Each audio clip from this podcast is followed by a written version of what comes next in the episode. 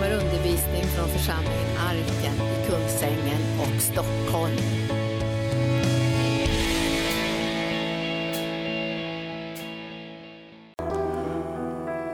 Halleluja. Ja, vi välkomnar dig heliga Ande att göra orden levande för oss. Öppna våra hjärtans ögon och öron så att vi både hör och ser det som du vill visa oss. Så att vi kan eh, få en levande tro som är övervinnande när det gäller alla omständigheter och situationer som vi kan befinna oss i i livet. Och Herre, vi vill höra ifrån dig, från himlen, så att din vilja blir gjord ibland oss. I Jesu namn. Amen. Tack lovsångare. Tack för er gåva hörni. Eh, det är viktigt det här givandet. Givandet är som ett- en bidragande orsak till att man öppnar sitt liv också. Man, man, så, man sår och eh, liksom får också en öppning för Herren att kunna göra saker in i livet både på det ekonomiska planet men sen är det också överhuvudtaget att man får liksom hörande öron, man uppfattar vad Herren har på sitt hjärta. Och eh, eh, idag så eh, tänkte jag tala lite mer från första Korintierbrevet här och om Guds församling. Det är ju som att eh, Guds församling är ett ställe som man måste eh, överlåta sig till gång på gång. När man har viktiga relationer så brukar man ha såna här högtidsdagar. Det vill säga om, man, eh, om man är gift så har man bröllopsdag. Då tycker man liksom, ja, det, det är väl ingenting att hålla på och tjata om bröllopsdag. Vi har gift oss, det vi hade en bröllopsdag, den har vi haft och den är liksom, det är bra med det. Liksom och så. Men det visar sig liksom att eh, eh för att det här liksom ska hållas ordentligt vid liv så behöver man på något sätt eh, fira att eh, det här har skett, att man har ingått ett äktenskap och ingått ett förbund med, med, med en annan människa. För det är den, liksom den starkaste och eh, bästa och viktigaste relationen som man har och man behöver vara rädd om den. Eh, det, det jag på säga, när man har ingått äktenskap är man bara en dåre, liksom, man missbrukar liksom, eh, den relation som man har där. För då skadar man inte bara den andra utan sig själv.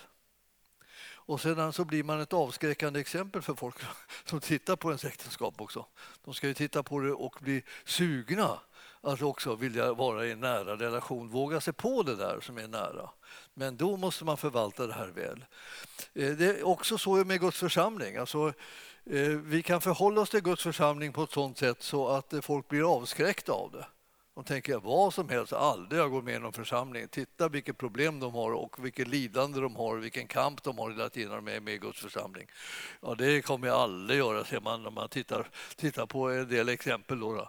Men, men Herren har kallat oss till att få fira det här, att vi, att vi tillhör Guds församling. Det är någonting som man måste liksom ta och prisa och tacka honom för om och om och om igen. Liksom.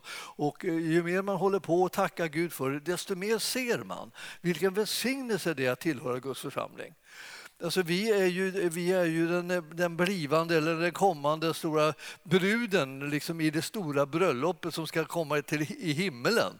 Där hamnar du och jag, liksom, alldeles oavsett kön. Det här är ju liksom ingen biologisk fråga utan det här är en andlig fråga. Ett förbund ska slutas mellan, mellan Jesus Kristus och hans brud som är församlingen. Och när man då är med i församlingen då är man bruden liksom på ingång så här och man ska eh, vara med om ett himmelskt bröllop. Och eh, det är mot, eh, mot det där som man strävar för att man på det viset ska kunna bära fram sina gåvor eh, och sin lydnad och sin överlåtelse till Herren och, och sin kärlek till honom när väl det här bröllopet ska liksom ingås. Och jag, jag vill säga att i Guds församling så tränar vi oss att, liksom att älska Jesus, att följa honom, att tjäna honom, att ära honom med vårt liv. Det är någonting som inte någon ska... Det det är inte så att vi har fått eh, olika tjänster i församlingen som ska tvinga oss att älska Jesus. Utan det är så att vi, vi är de som älskar Jesus men vi behöver få hjälp på visa eh, hur vi ska göra det. Och hur ska vi göra det så att vi håller ihop församlingen så att vi liksom blir en enhet och som är sammanfogad med varandra. Eh, och eh, hur ska vi kunna se samma saker så vi förstår vad vi ska göra ihop allt det här? Allt det här liksom sker i Guds församling. En fantastisk plats för välsignelse. Och eh, jag har ju varit i olika församlingar under min uppväxt, så säga, i mitt liv. Och jag, vuxit, jag föddes ju så säga, in i en församling då och i luthersk, luthersk församling och sen så småningom så, så kom jag liksom att eh, bli präst också i Luthers församling. Och, och, och, de, och, den församlingen var ganska olik den här församlingen som, är nu, som jag står i nu. Men Herren liksom kallade mig liksom att ta steg för steg för steg liksom, eh, för att eh, jag skulle kunna tjäna och eh, vara med och bidra till att människor hittar ett hem där de kunde få växa, och mogna och utvecklas. Och Guds församling, hur den ska organiseras, som vi säger, Eh, det, det är ju liksom, finns ju ett, en andlig organisation kan man säga i Guds församling som är den viktigaste. Det är inte den här eh, administrativa grejen, om vi säger att en församling ja, den kan vara en, en, stiftelse, den kan vara en förening, det kan vara liksom en, någon form av eh, firma eller någonting sånt där som man kan också bilda för att liksom göra, för få någon slags ordning på det ekonomiska i en församling. Men i själva verket så är det här en, en andlig eh, sak med församlingen det, när vi är i Guds församling då, då, eh, då behöver vi lära känna hur fungerar den egentligen, hur är det tänkt? Och Gud har tänkt bestämda saker. Så det är inte så här, vad tycker du, vad tycker jag och vad tycker alla, alla möjliga tycker. Och ju mer vi tycker desto rörigare blir det. Utan det är så här att vi går till bibelordet, där, där uppenbaras Herrens sanning och hans vilja när det gäller församlingen. Och så tittar vi efter där vad han har sagt om församlingen. Och det, han har sagt många saker. Och eh, jag har skrivit en liten bok eh, eh om, om det där som heter eh, eh Guds vilja för dig och församlingen. Och det betyder det liksom att du är intresserad av Guds vilja för dig. Eh, men eh, om du inte samtidigt kopplar ihop med det att du tittar efter vad är Guds vilja för församlingen så kommer du missa Guds vilja för dig. För de här två sakerna sitter, sitter ihop, sammanflätade. Och vi är, vi är angelägna om att se hur det här är. En del säger så här att ja, jag tycker inte liksom att den och den ska bestämma, jag tycker inte det ska vara si eller så. så här. Och eh, det är återigen det här att det, det är inte det som är frågan, utan frågan är vad tyckte Gud? Vad ville Gud? Vad tänkte han? Hur planerade han det här med församlingen? Och det är det som vi ska ta till oss. För det blir liksom välsignelsen. Sen är det så att församlingen utgörs av människor som du och jag människor av kött och blod som, är liksom, som har olika brister och svagheter och, och sånt där. Men vi har också olika styrkor och olika möjligheter, olika gåvor inlagda i oss. Och Herren är intresserad av att vi ska liksom mogna och växa och sedan samarbeta för att kunna vara den kropp som han har behovet av. Eh, för att det här liksom ska bli liksom tydligt bara så ska vi ta börja och prata lite grann utifrån det, det är vad Herren säger i eh, det första Korintierbrevet 12. Eh, vi är inne i en sån här, för oss är det liksom en slags cykel. Det vill säga det, det, det är liksom en, en, det går runt och så kommer vi till slut in i början av eh, slutet av augusti, början av september så startar vi upp många saker igen. Då har vi varit mycket på semestrar och, och, och sådana här saker. Folk har vilat upp sig och, och vi har, vi har eh, eh, hämtat kraft på olika ställen och, och, vi har kunnat på det här viset liksom ladda oss inför den nya terminen, eller de terminerna som det rör sig om. Och så kör vi igång så att säga, eh, verksamheten och arbetet igen eh, för full maskin. Och det, tar, det, det börjar då liksom precis här på höstkanten där vi befinner oss nu. Då, då tänker vi igen på vad är församlingen då? Hur, hur, ska vi liksom, hur ska vi kunna fungera ihop? Hur ska vi kunna trivas ihop? Hur ska vi kunna mogna och utvecklas ihop? Hur ska vi kunna hitta vårt hem i församlingen? Hur ska vi kunna göra då? Ja, det är en, några av sakerna som man måste göra är att man måste överlåta sig till Herren och till varandra för att annars så blir inte det här trovärdigt. Vi är inte bara liksom ett, en klump egoister som liksom buntas ihop och tvingas ihop och, och pressas och eh, till att göra saker som den inte vill. Utan, så. utan vi är ett antal människor som har överlåtit oss till Jesus och som vill göra hans vilja och som älskar honom av hela hjärtat. Alltså, och, eh, och låt säga då, man tänker ja men hela hjärtat kanske får ta i, jag kanske inte älskar honom hela hjärtat, jag älskar honom ganska mycket. Så här. Ja, ja, ja, det är mycket möjligt att det liksom är liksom på väg in i någonting. Men, men eh, målet är att du ska bli helhjärtad. Du önskar ju själv att du ska kunna vara helhjärtad, antar jag. Det är, liksom, det är liksom min längtan, att vara helhjärtad, brinnande, engagerad och överlåten. Inte, inte gå omkring och vara ljum och avslagen och sådär. Utan man, man vill brinna för det här, liksom. man vill satsa på det, man vill, man vill våga tjäna Herren och stå för hans namn och följa honom. Det är sånt där som intresserar mig. Alltså jag intresserar mig inte för de här, liksom, någon slags eh, vad ska jag säga, kristendom som, som, inte, som inte är brinnande och som inte menar allvar. Intresserad av att följa Jesus så, så helhjärtat som jag förmår. Och jag vill gärna inspirera och hjälpa andra att få tag i det också i sitt liv, där de liksom vågar sig på det här att leva helhjärtat. Alla relationer är ett, ett, ett steg i tro. Man måste våga kliva in i det för att få erfarenhet av någonting som är, som är större liksom och, och eh, härligare än vad man hade tidigare. Man måste liksom våga sig på det och kasta sig liksom in helhjärtat i de här sakerna. Jag, jag, jag tycker att det har varit den största skillnaden för mig när jag, när jag kom från det att jag var i en gammal eh, organiserad kyrka liksom, eh, där allting var så, så att säga enligt bestämda mönster och ordningar och sedan få komma in i, liksom en, i en form av frikyrka liksom, som var liksom, inte bara frikyrka utan fri-frikyrka. Liksom, De var liksom riktigt nästan så att säga den betraktas nästan upprorisk liksom, och självständig, obändig och eh, eh liksom, radikal och allt möjligt sånt där. Eh, så, man, man, så att folk nästan blev liksom lite nervösa för den, liksom, för man visste inte var man hade den. Jag tror inte att eh, Guds församling är till för att folk ska veta var de har den, utan det är för att de ska kunna komma till ett ställe där, där det finns en möjlighet att vara brinnande och helhjärtad och överlåten. Och eh, ju mer du och jag liksom bestämmer oss oss för att det ska vi vara. Alltså vi kan ju sitta här nu och fatta det beslutet. Det ska vi vara. Vi ska vara helhjärtade och brinnande och överlåta eh, till det som är Guds församling och till Jesus Kristus. För det är hans kropp och vi, det här vill vi bara. Och ju mer vi liksom tänker i de här banorna desto mer känner vi liksom att det här börjar bli intressant, det här börjar bli kul. När man känner, tänker på det här ljumma, avslagna landet, då tänker man pff, orkar inte, orkar inte hålla på med det. Liksom. Jag, vill, jag vill inte veta av det. Jag vill veta av att det är radikalt. Och eh, så eh, kommer de att samlas som liksom är sugna på det som är radikal kristendom.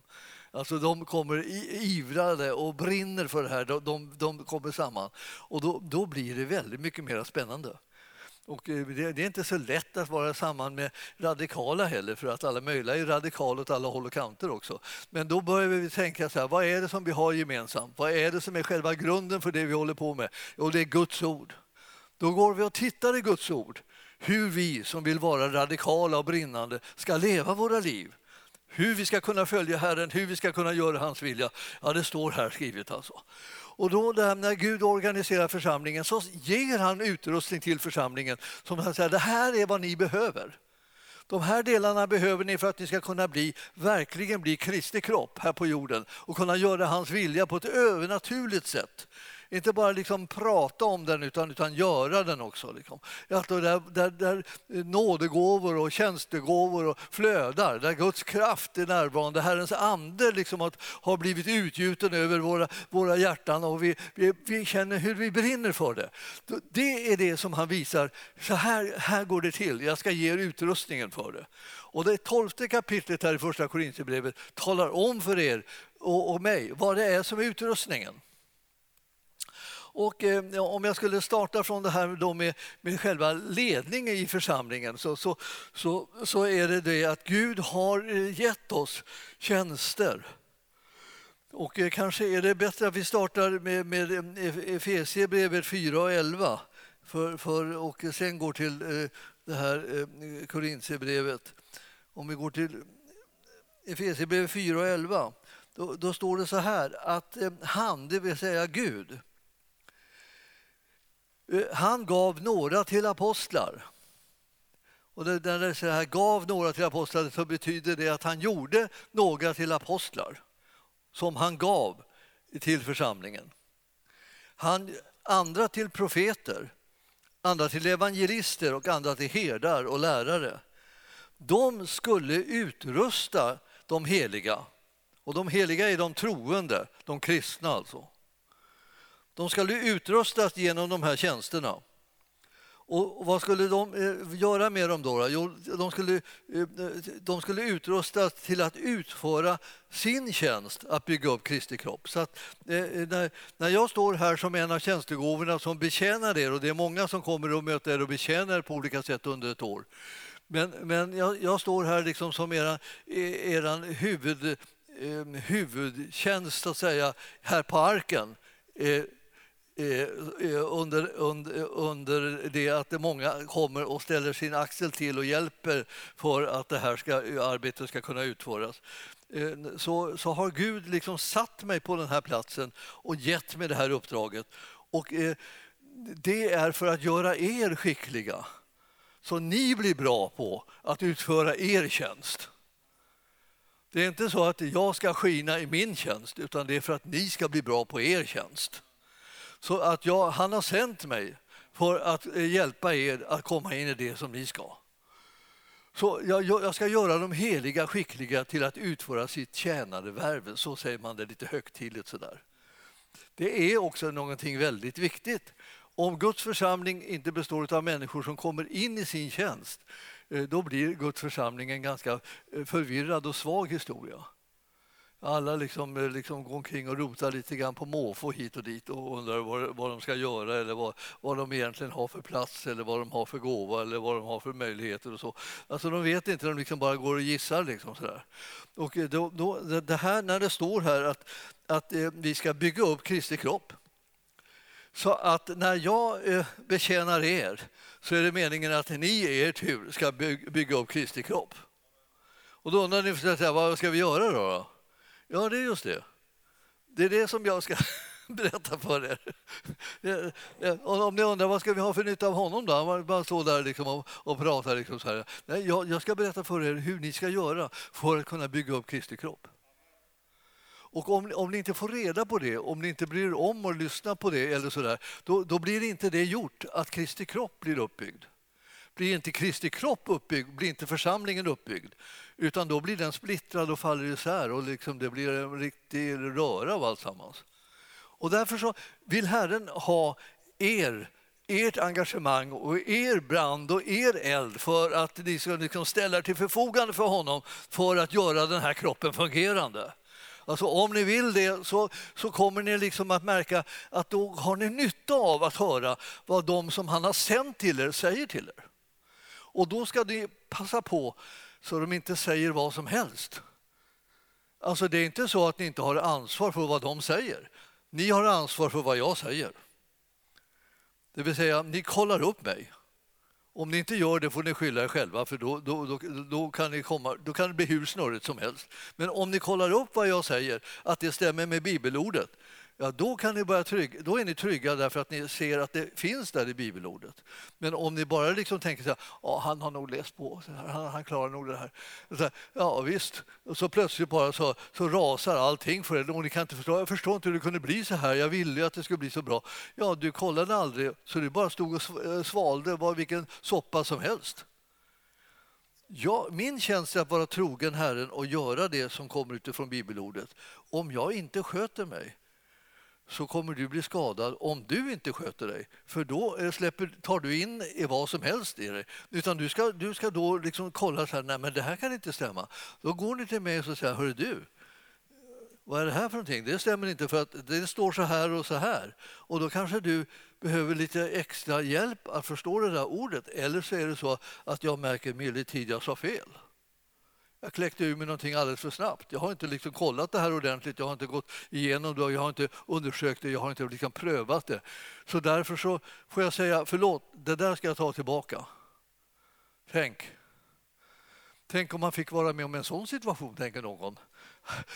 Att pastorn säger ah, eh, jag, jag, jag, jag undervisade här och här, men jag, jag, jag tänkte mig inte för och det blev lite fel. Jag tar tillbaka alltihopa det. Och tänker så här, ja, vad är det här? Kan man inte lita på honom? Jo, det är just det man kan just då. Därför att han, han, han kommer även höra av sig om man misstar sig så att han tar tillbaka det. Så att inte du försöker bygga ditt liv på skräp och på människomeningar istället för på sanningen. Men du har liksom en uppgift att kolla och, och därför så har vi prakt, liksom i praktik med att vi, vi tar med oss våra biblar. Alltså. Det, för att kolla om det står så som eh, predikanten säger. Om du inte kollar det, hur ska jag kunna veta om du liksom får i dig det, rätt, det rätta då. För att tar jag miste och du inte kollar mig så kommer du också ta miste. Och så rasar du på den ena hörnet efter det andra därför att ingen kollar upp det. Därför så behöver vi liksom säga så här, det är därför vi håller på att citera bibelord. Vi säger, ja, det står här och det står där och det står där och titta efter här och slå upp där och tänker jag orkar inte slå upp allting, jag hittar, hinner inte hitta det innan jag är nästa, på nästa bibelställe och så. Då går du hem och tränar på så här, hitta bibel, bibelverserna och bibelställena och bibelkapitlen och böckerna och breven och alltihopa. Du tränar liksom så här för att du ska kunna hinna snabbt komma dit och liksom undersöka är det som, här som Herren säger. När Gud säger någonting gott va, så tänker man det, det måste vara bra, det, det, det måste vara Herren. Men, men, men eh, det är ju så att när vi tar en del saker som Gud säger så är de så goda så att eh, eh, vi, vi, vi tänker det kan inte vara möjligt att han är så god. Det här måste vara en överdrift. Och så, eh, ibland så stänger vi oss för att det blir för bra. Det blir för bra för att vara sant. Och så håller vi undan det här om vi inte tittar efter. För då kan vi se milde tid, han säger det. Han, han, han, menar att det här som, han, som står här, denna fantastiska gåva, denna underbara gärning för oss, denna inställning som han har, denna godhet som han vill visa oss. Alltihopa det här liksom har, har han, har han sagt, sagt i ordet och du och jag tittar efter och vi märker att det står så här. Så att det här är liksom vårt sätt att liksom få en garanti för att vi eh, eh, får tag i hela härligheten. Alltså. Allt det där som Gud vill att vi ska få tag i och inte få tag i någon fel eh, lära, det är att vi själva följer med och tittar i ordet.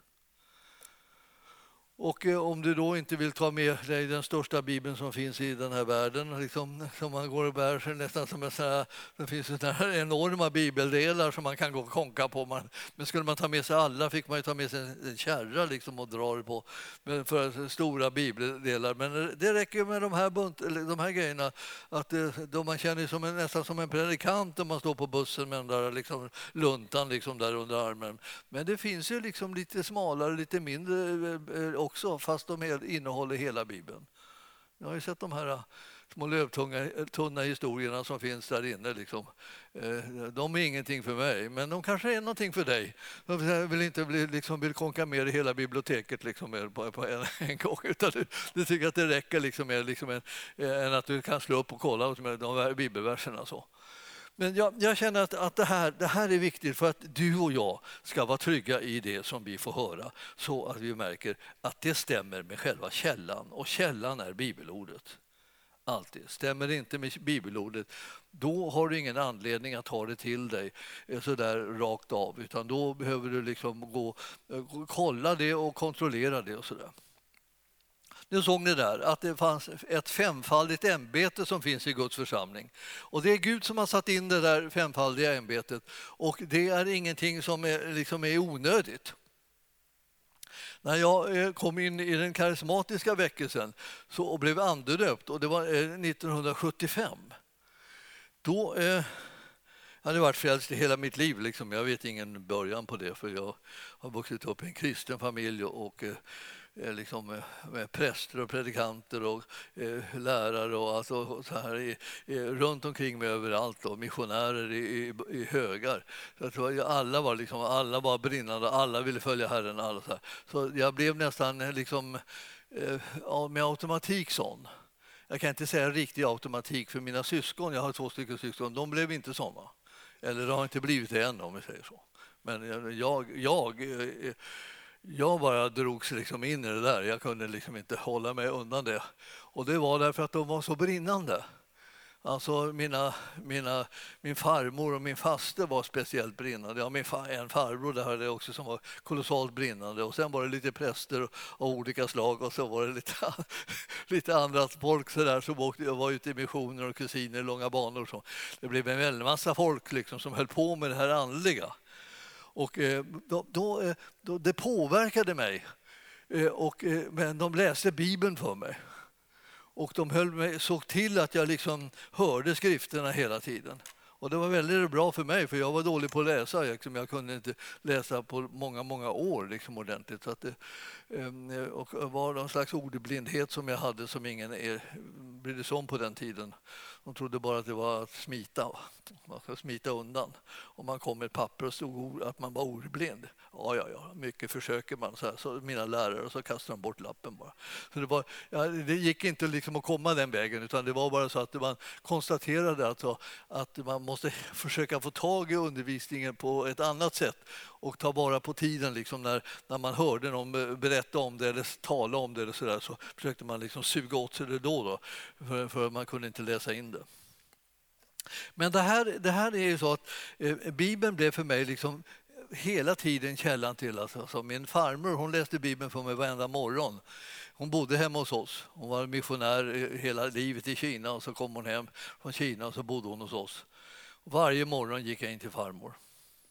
Och farmor hon satt i ett hörn där. Liksom, hon hade en stor stol och så satt hon i det där hörnet. Där. En stor kraftig kvinna. Så, där. så gick jag in till farmor. Då jag var ju kanske två, tre år sedan började jag min bana så där, i den här bibelläsningsvärlden. Då, då, då sa hon, ja, nu ska vi läsa Bibeln. Så, så läste hon Bibeln för mig då. Och sen så berättade hon om Gud vad han har gjort, hur mäktig han var, alla under och tecken, allt det här som hade hänt i Kina och hur hon hade levt, hur Gud hade hört bön, hur änglar hade kommit och allt det. Att hon, hade, hon, hennes liv var liksom en dramatisk berättelse fullt med olika så skildringar av en mäktig Gud. Alltså. Och, eh, och sen så var det bön. Hon sa, nu lägger du på knä här, sa Så la hon händerna på mig, så bad hon långa, långa böner. Jag var ju liten så jag tyckte böner blev snabbt långa. Men, men böner, alltså kraftfulla böner. Och så höll vi på alltså, i åratal. Så att eh, eh, jag, jag, kunde, jag märkte att mina syskon de, de, tog inte vara på den där möjligheten. Det var bara jag som gjorde det. Och jag hjälpte henne att damma, som det hette, på morgnarna. Så när jag kom in så fick jag en sån här vippa i handen och så viftade jag runt damm nu vet man viftar runt det så här i, i, i rummet. Då trodde man att man hade liksom rengjort eh, rummet. Och sen var det, sen var det den här långa andakten. Då, då liksom så. Jag kunde alla hennes berättelser eh, om alla under och tecken och fantastiska ingripanden från Gud alldeles utan till. Jag visste precis hur de gick Precis som när barn ibland kan de här sagoböckerna som man läser för dem, så om man ska läsa för dem så får man inte fuska, hoppa över någon sida, försöka förkorta det liksom så man kan komma fram. Det går man inte barnen på. De vet precis. Äh, äh, det var missat, du måste ta där, det var inte på rätt, det var inte rätt. Och så där, och så där var det, jag, jag visste de här storiesarna när hon ville försöka förkorta sina berättelser. Så, nej, nej, nej, nej. Det, det var det här och det där. Ja, ja, ja och som fick ta alla. Liksom, berätta den, berätta den, berätta den. Och jag har hört dem liksom så många gånger. Och, eh, och allting handlar om att Gud var stor och mäktig och underbar. Och det fanns bara ett ställe till som jag kände till så där, där Gud var så där stor och mäktig och underbar och det var i bibelordet. Så när hon läste från bibelordet kände jag igen det var samma Gud. Samma Gud som hon, pratade om, som hon pratade om i sitt liv, det var samma Gud som fanns i bibelordet. Så småningom märkte jag så här att för mig var det inte samma sak. Alltså, jag började bli liksom vuxen och så där och började studera teologi och så. Inte var då Gud som var i bibelordet samma Gud som var, som var för mig. Alltså min Gud eh, som var ganska teoretisk. Då. Jag fick lära mig en massa strunt när jag läste teologi. Ska jag, tala om. jag lägger ut en varning för att läsa för mycket teologi. Eh, det, det, det, är liksom otro och massa världslighet som man får läsa om där som är helt onödig att lära sig. Så har du läst det så be Gud bara att eh, tvätta dig ren. Men alltså, det som man behöver är att man behöver möta Gud så som han beskrivs i bibelordet. Alltså, ja, undrens Gud är det som handlar om. Han som har all makt i himlen och på jorden, honom är det som det handlar om. Och jag började gå där och liksom när jag läste teologi och ena, liksom, eh, ena soppan efter den andra skulle jag läsa en massa otro hit och otro dit. Och så jag, var så, jag var så trött så jag måste, jag måste, om jag inte blir präst snart nu då, så, så lägger jag av. Liksom, jag orkar inte mer, mer av den här, den här undervisningen, den var dålig alltså. Och eh, eh, eh, så började jag längta efter liksom farmors Gud. Alltså, var, var, var är farmors Gud i hela den här teologiska liksom, soppan? Ja, han var inte där. Då tänkte jag, vad gör jag här då? Ja. Men så tänkte jag, nu har jag kom, kört så länge så lika bra att jag kör det slut då, liksom, så att eh, det blir någonting någon gång. Och så försökte jag lägga in en, liksom en liten extra gas då och eh, komma igenom de här studierna. Men sen, sen var jag intresserad av att få tag i farmors Gud. Och jag sökte och jag sökte och sökte honom och jag började se liksom att det fanns Alltså jag, jag gjorde så här, men jag lyfte mina ögon upp till bergen. Varifrån ska min hjälp komma? Ja. Min hjälp kommer från Herren som har skapat himmel och jord. Ni vet, eh, 121 eller väl i Saltaren. Eh, alltså det var som en, det var, det var liksom, det fanns en, upp, det, det fanns en uppenbarelseplats, liksom, att man sträckte sig upp mot Gud liksom, och ropa på honom för att man skulle få den där kontakten som gör att jag kan få hjälp som liksom verkligen är en verklig hjälp som kan, som kan rädda mig från allt det här eh, världsliga eh, otrosväsendet så att jag kan komma in i liksom en övernaturlig kraft där Herrens vilja kan ske. Och jag, jag, kände att det var, dit vi, det var dit vi var på väg och det är dit vi fortfarande är på väg. Mer och mer in i det som var det, liksom det här övernaturliga. Alltså människor som blev helade, eh, rövare som blev besegrade av änglahärar och sånt där. Man, man tänker så här, va? finns det sådana liksom? Så här, vad, vad, vad har de tagit vägen? Ja, det, det, det, jag vet inte det är bestämt, men alltså, eh, jag vet att när farmor upplevde dem, då, då, fick, då, fick det liksom, då bekräftades det på olika sätt sen efteråt. Så när, när, när rövarbanden skulle liksom attackera och, och stjäla missionens pengar då, liksom, då man, man hade fått ut det där och det skulle man inte få några pengar liksom mer för missionen förrän om ett år. Han bodde så väldigt långt in i landet och, och oländigt och dant och kommunikationerna var jättesvåra. Och så kom de där rövarbanden och skulle anfalla då och de hade tagit reda på att nu skulle de frakta eh, pengarna för missionen från kusten också in liksom eh, upp genom gula, floden och sen upp liksom genom, genom terrängen där och liksom upp i de olika eh, staterna som fanns inåt landet i Kina, eller länen kan man säga. Ja, då var det sen en man som blev frälst och som hade varit rövare. Och så sa han bara, och så han, han ville ge sitt liv till Herren. Jaha, vad fint. Då bad de honom så här. Hur kommer det sig att du ville ge ditt liv till Herren? Ja, jag märkte att ni var så, ni var så starkt eh, utrustade här. Och då frågade jag, vadå då utrustade? Ja, ni har ju sådana där fantastiska trupper liksom runt omkring er när ni är ute och, eh, och far i landet. Har vi? sa de då. Ja, alltså när, vi hade ju planerat det band som jag tillhörde, rövarband som jag tillhörde. Vi planerade att lägga oss i bakhåll där och så skulle vi ta liksom pengarna, för vissa pengarna var på väg upp och så där. Vi hade fått sån information. Då, då, då när vi skulle liksom komma över krönet där och skulle titta då när ni, ni kom, skulle komma där med vagnarna och det här och, och, och den här, eh, de här pengarna. Ja, då var det, då var det liksom soldater som gick liksom skinande, som strålande kläder som gick liksom vid sidan om så här, beväpnade med spjut och, liksom Liksom och, och bo, pilbågar och grejer så här. Och, och de tågade där vet ni. Och de, de tittade, de hade inte fått någon information att det skulle vara några soldater. Soldater liksom emellertid de fick lägga hela grejen på hyllan. Liksom. Men det kom han och berättade för dem sen efteråt och de hade ingen aning om det för de hade inte sett några soldater. Men de rövarna såg de här soldaterna och lade ner hela projektet. Alltså det här var ju det här var farmors liksom, berättelser. Och det, det, det speciella med farmor, det, det vet inte om ni inte har träffat henne, men hon talar sanning. Va? Att ljuga var liksom inte hennes, var inte hennes värld. Utan hon, hon berättade sådana här saker. Och, och vet att jag, jag var ju helt, jag var helt tagen av det. Jag tänkte, vilken grej. Man, tänker man, man är ute och går så är det en massa änglar som följer med. Så här. Ja, alltså det är mycket möjligt att de visar sig vid behov. Så länge som du och jag liksom går omkring och hasar så här lite grann i Sverige så kanske det inte blir så mycket behov. Men, men, så, men sen när vi kommer i trängda situationer och i farofyllda situationer så kanske just de dyker upp för att liksom rädda dig ifrån det när ingen annan räddning finns att få. Och jag, jag, är, jag är liksom benägen att tro på de här övernaturliga tingen, alltså, eh, just, just tack vare min farmor. Och sen min faste var också en riktigt stark kvinna som var djärv och, och, och, sådär. Och jag brukar berätta om henne ibland. Och jag tänkte jag saknar dem. Därför att de, de kände Gud, så när man hade varit med dem då kände man sig lyft. Alltså.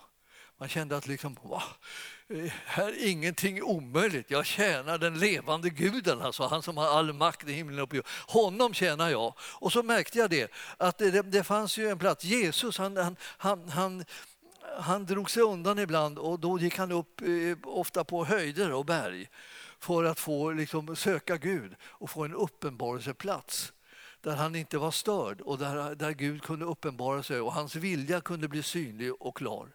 Och eh, då och då så det, finns det områden eller platser där du och jag har märkt att där kan vi få stillhet så att vi kan koncentrera oss på att söka Herren och finna hans vilja och få uppenbarelsen om, om vad han, hans väg går någonstans. Och så behöver vi gå på den vägen. Vi behöver tillsammans liksom finna de här vägarna för de kommer att tillsammans, liksom, när vi har, de, har sådana här erfarenheter ihop så kommer vi att kunna göra det som är Guds vilja på ett sätt som liksom häpnadsväckande. Och jag känner det att vi behöver vara ett folk som, som verkligen har erfarenheter av det övernaturliga. Det får inte vara liksom så att vi, ja, det känner vi inte till. Liksom. Vi, utan vi, vi bara går omkring och tågar med ett litet ljus eller, liksom, eller har någon slags rökelse som vi svingar hit och dit eller någonting annat sånt där som, som är absolut bara äh, ingenting. Va? Kraft ska det vara liv ska det vara, liksom, för, liksom förändring och möjligheter i människors liv ska det vara. Herren, Herren vill göra det verkligt för oss. Och ju mer vi kommer nära Herren, desto mer får vi eh, smak på hans verklighet. Och, och, då får vi se, vad är det han har tänkt? Hur vill han att det ska kunna fungera? Jo, han har, satt, han har gett tjänstegåvor in i församlingen och de ska vara de som påminner och inspirerar folk till att följa Gud.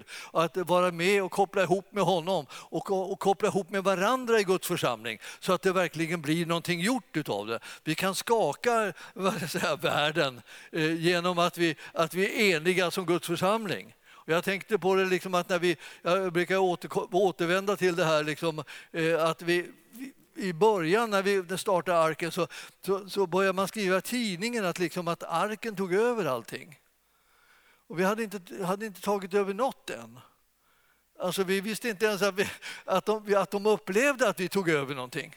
För vi, vi hade bara, bara, liksom bara en liten skara. Liksom så här. Men så startade vi bibelskola och då blev det liksom smälltjockt på bussarna så att inte några eh, folk som vanligen åkte bussar kom inte in på bussen, kom inte upp på den, det var fullt. Va? Och de blev jätteirriterade och det var bara såna här arkare som de sa överallt. Va? Överallt var bara arkare. När man ska gå på bussen så fick man ingen, ingen resa, man kom för sent till jobbet och, och alltihopa var arkarnas fel. Det var ju bussbolagets fel. Men de, de, de skulle skicka fler bussar när vi var fler som skulle åka. Men eh, det, det kom man inte på då. Och, då bara, och det bara väller av dem överallt. Och det var hit ut till liksom brunnar då som det vällde. Vi hade vår första liksom, lokal längst borta på den här gatan då. Ehm, eh, och vi hade en bilhall där som vi höll till i. Och där tågade liksom, det var en hel lämmeltåg så här, som gick upp mot, mot eh, själva lokalen då när den första eh, bibelskolan skulle ha sina möten. Vi var ju 200 elever första året. Det var ju sån där chock som vi fick. Vi trodde inte att någon nästan hade hört om att vi skulle ha bibelskola. Och så kom det 200 elever. Alltså, det var, det, det var liksom, det var chockartat. Och, och, då, och, och, och samhället fick en chock också. Så det var, det var liksom, alla var liksom skakade över att det var så otroligt massa fanatiker som gick överallt. och det var, och fanatikerna var vi då. då så. Eh, församlingen och bibelskolans elever, så det var fanatikerna. Och på den tiden så var de riktigt brinnande så de, de, de, de talade i tungor på bussen. Och, högt och ljudligt och, och, det var liksom, och folk satt ju liksom och försökte göra sig smala så att de inte skulle komma i kontakt med de här galningarna som var där. Men de visste inte att Guds folk liksom var i närheten. De visste inte att Guds rike var höll på att uppbyggas och upprättas. De visste inte liksom att de skulle kunna fått liv och, och blivit för, förlåtna och försonade med Gud och få helt nya möjligheter. Men, men de visste inte om det så de blev rädda istället. Men ni förstår att det här med att, att liksom nå människor, det handlar om också att man vet vem man själv är och kan liksom, eh, vara vis när man, när man möter dem som inte tror så att man kan dela med sig av evangelium så att det verkligen syns vilket underbart budskap det är. För det är liksom inte något vilket budskap som helst utan det är en härlighet över det.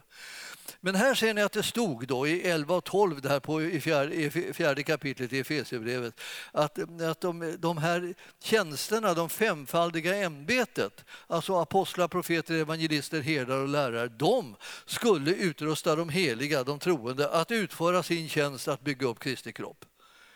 Så att när vi, när vi utrustar så att säga, er så ska ni i er tur bygga upp Kristi kropp. Och när ni bygger upp Kristi kropp då börjar Herrens vilja kunna ske med kraft genom Guds församling som är Kristi kropp. Och eh, utan det här så blir det inte det. Så man, så man, om man tänker att ja, vi vill inte ha några som håller på och bestämmer över oss eller, eller undervisar oss eller talar om för oss vad vi ska göra. Och det behöver ni visst. Det har Gud satt in för att ni just behöver det. Och det blir utrustningen för att sen Kristi kropp ska kunna bli så stark så att den kan nå eh, alla människor som är runt omkring här.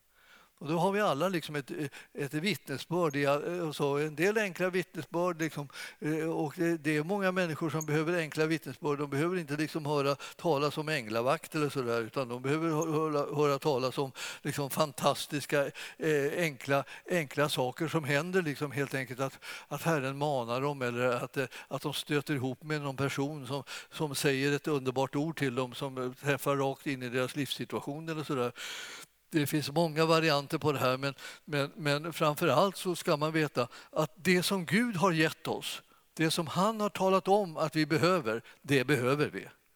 Det är så när, jag sa ju att 1975 så blev jag andedöpt och, och började tala i tungor och så. Jag visste inte mycket om det. Jag var luthersk präst. Jag har inte eh, liksom så jättemycket erfarenhet av frikyrkan innan där. Och jag, jag visste inte särskilt mycket om det. Jag, jag, jag hade att, att tala i tungor då liksom och så där. Eh, det märkte jag liksom att de som var runt omkring mig, de reagerade så här, ja, jag behöver inte det där, jag kan vara kristen ändå. Var fick de det ifrån? Från sin egen skalle? Fick de det? Därför att om de, om, de, om de tog reda på var får vi reda på om vi behöver tungotal eller inte? Ja, om du vill ha reda på sanningen så måste du titta efter det ordet. Har Gud gett dig tungotal? Har han gett det som en gåva? Ja, då behöver du det. Det är inte liksom att säga att det behöver inte jag. Det är klart att du behöver det. Om Gud säger att du behöver det så behöver du det. Det är bara liksom att, eh, svälja liksom och, och anpassa sig liksom för, efter det här.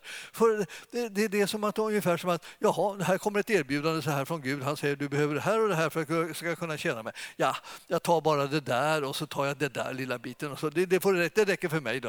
Eh, vad får du för dig? Tror du att det är du som vet vad som räcker för dig? Det är han som vet vad som räcker för dig. Därför om han säger att det här behöver du så är det det du behöver. Då tar du emot allt du kan få om det är vislyssnartänk. Bara, bara sug åt det, bara dra det till dig, liksom. bejaka det så det mycket så det bara knakar om det. Liksom, sitt inte och gallra. Det, det, det är bara dårskap. Men jag, jag, vi hade så jättemånga som ville gallra. Och en gång så var jag ute på var en sån här kaplan på ett, liksom en stiftsgård, alltså som inom lutherska kyrkan. Och så var, så var det massor med ungdomar där och så. Eh, och eh, de hade inte fått reda på hur man blir frälst. Och så var de inte andedöpta då heller förstås. Så att eh, när jag kom dit då, då de visste inte vem jag var. Eh, eller vad jag kunde ta mig för, kan vi säga. De visste inte det, utan de bara kallade på mig på något sätt för att vi, vi hade lite, det var lite levande församling liksom, över oss här i Kungsängen på den tiden. Och så var det samlat så sa jag så här, ja, nu ska jag undervisa er om hur ni ska kunna vara säkra på att ni är kristna.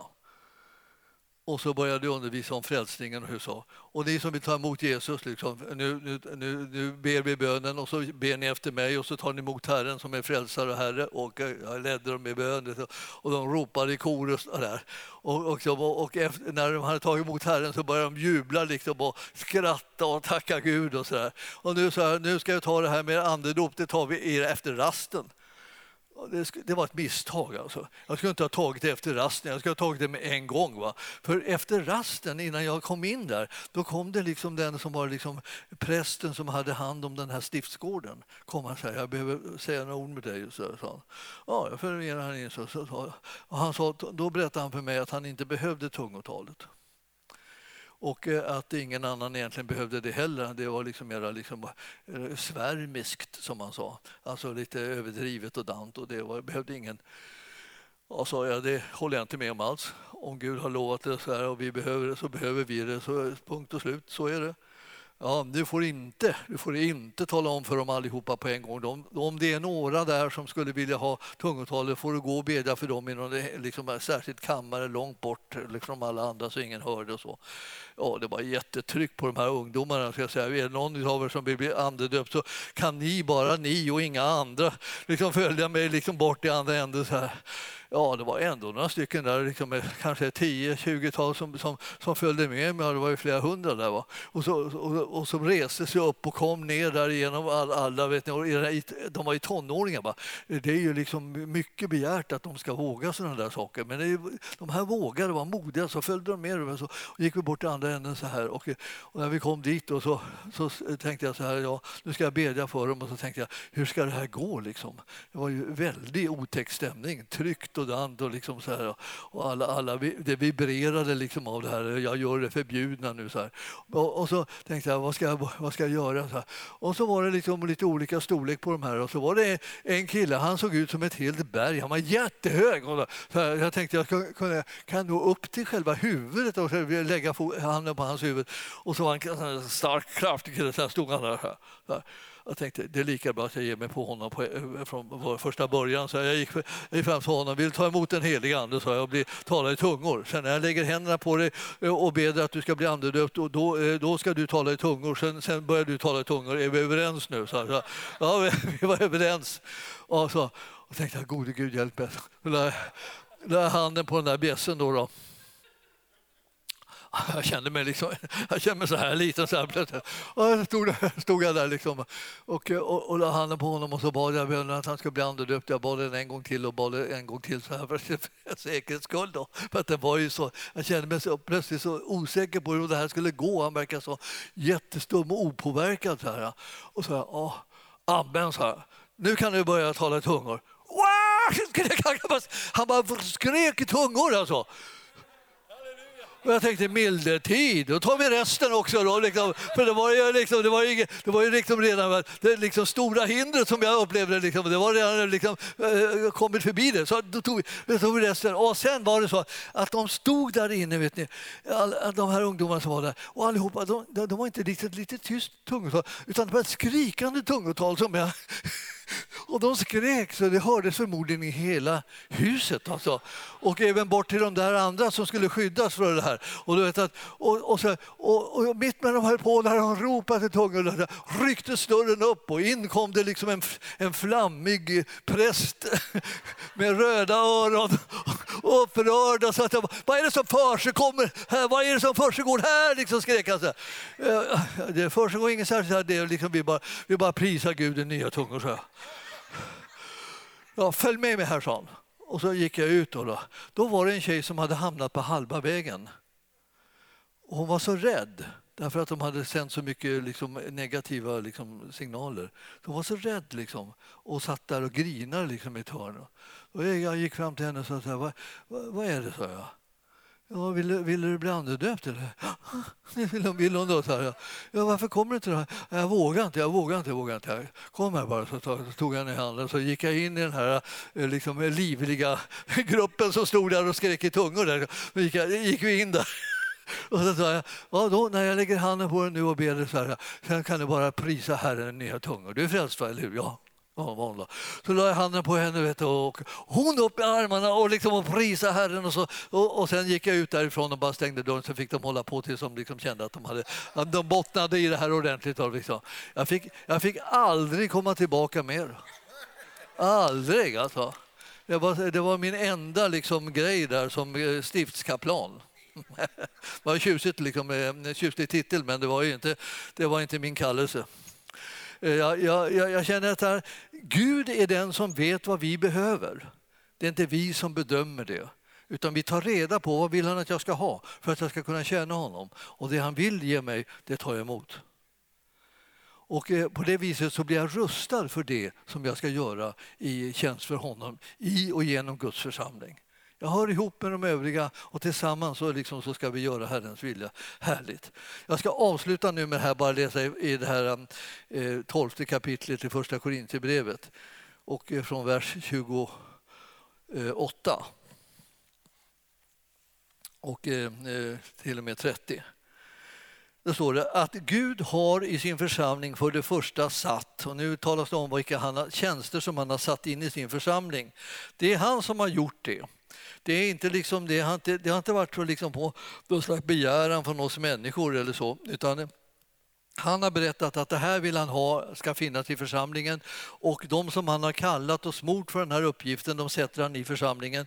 Och eh, så församlingen ska känna igen dem och eh, bejaka det och att de är rätt. Då, då. Och eh, det, det, det är församlingen som ska göra det.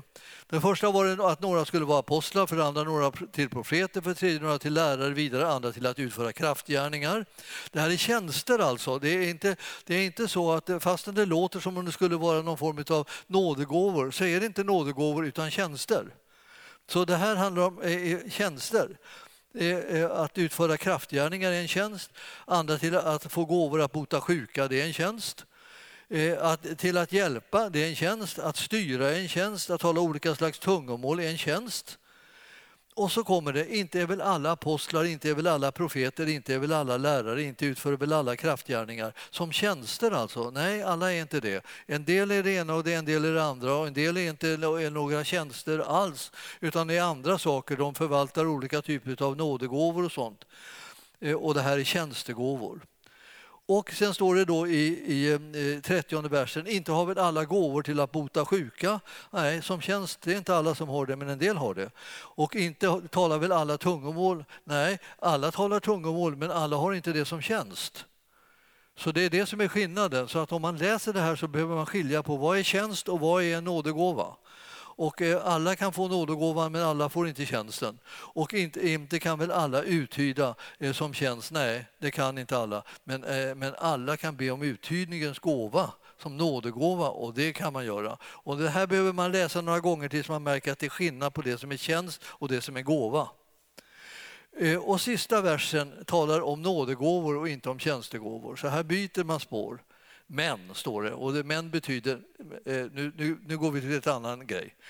Det är så att sträva efter de nådegåvor som är störst.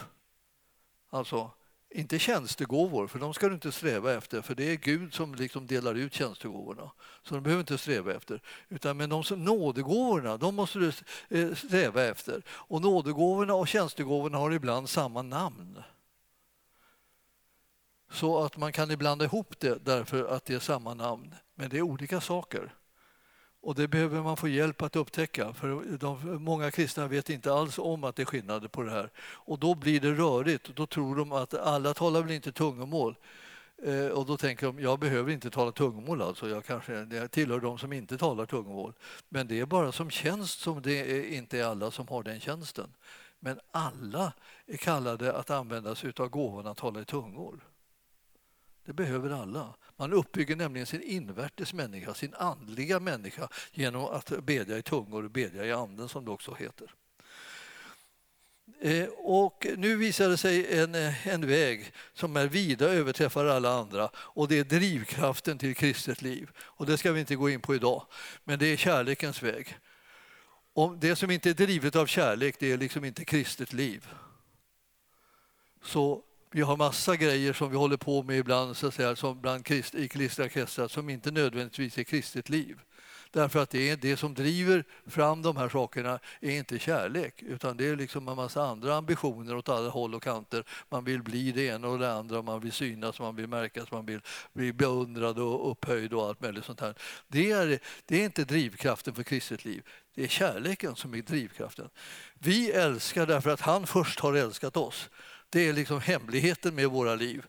Det driver oss till att göra olika saker, att följa honom, att tjäna honom, att ta emot hans gåvor och så vidare. Det är den kärleken som vi har mött från honom. Därför älskar vi honom tillbaka och vill göra hans vilja.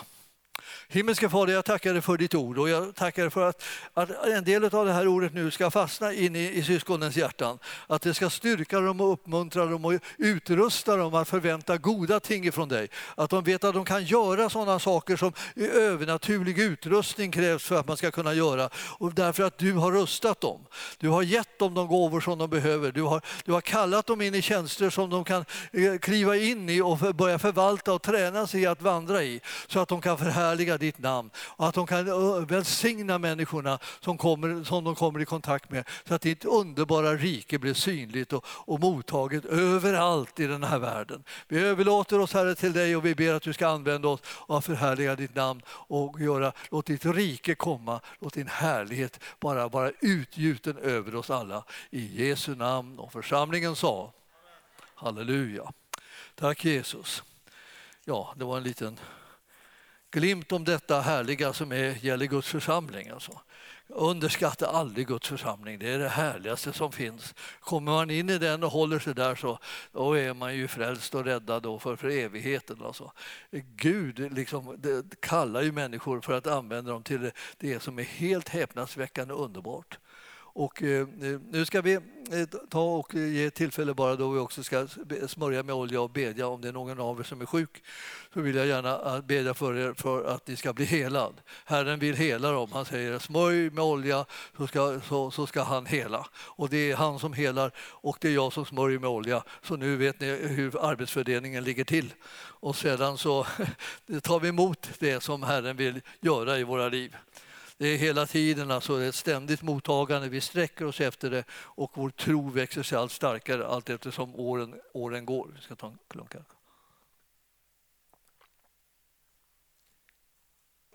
Tack.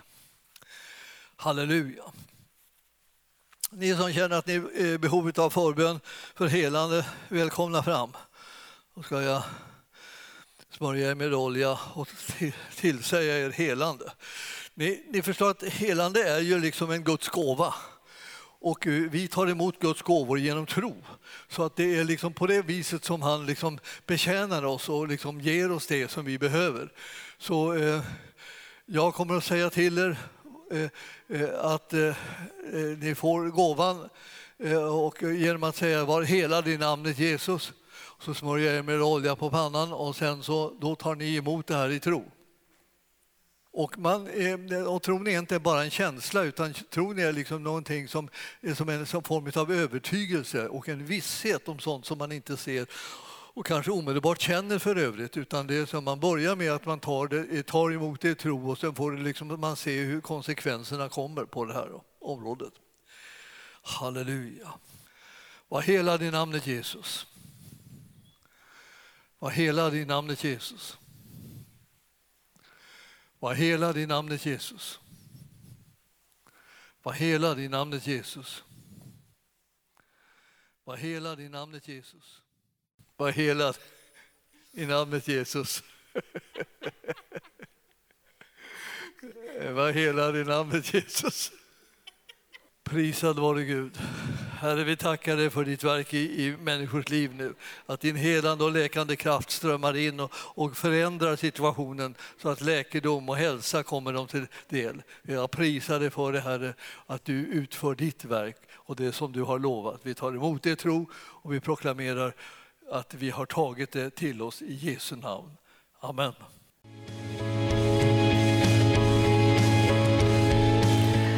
För att du har lyssnat. Vill du få del av mer information om församlingen Arken, vår helande tjänst, bibelskola och övriga arbete, gå in på www.arken.org.